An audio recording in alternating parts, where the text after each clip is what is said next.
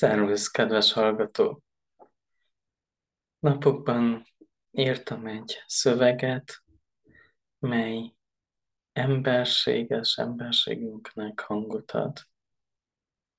Úgy tekinthetjük, hogy a szív szavai, a belső természetünk szól hozzánk.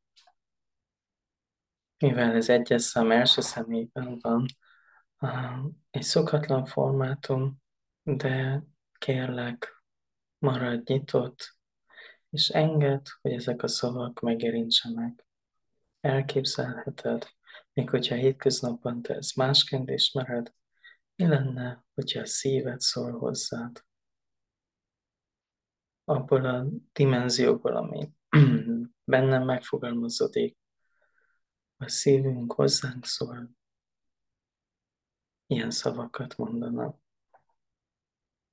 Kívánok neked szeretettel teljes találkozást.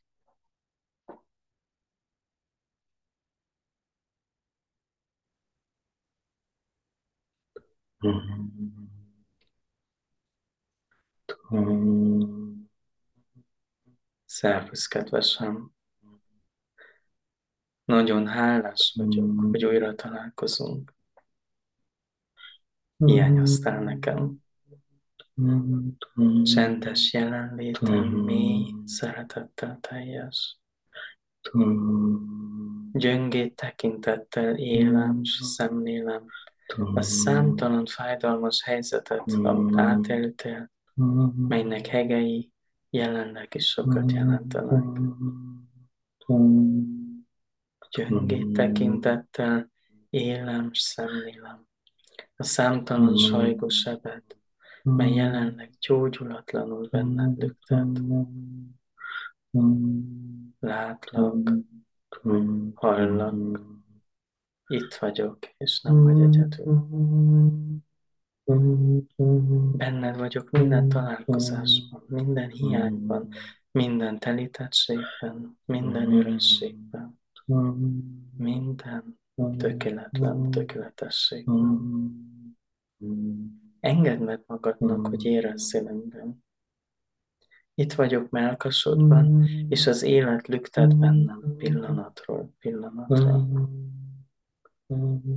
Gyengét tekintettel élem és szemlélem a számtalan fájdalmas helyzetet, mely előtted áll.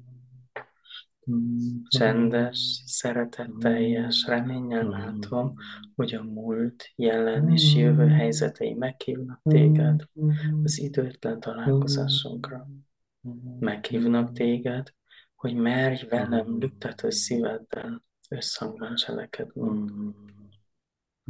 Olykor oly borús élmények vakítanak, ezekben az időkben állj meg, lélegez, és enged, hogy mélyből jövő feltételt nélküli szeretet jelenléte erejét betérjen. Úgy, ahogy vagy. Nem kell már senkinek semmit bizonyítanod. Nem kell valamit legyőznöd, vagy valakit meggyőznöd. Légy és élj. Ott vagyok én is. Ez nem más, mint jelenlét.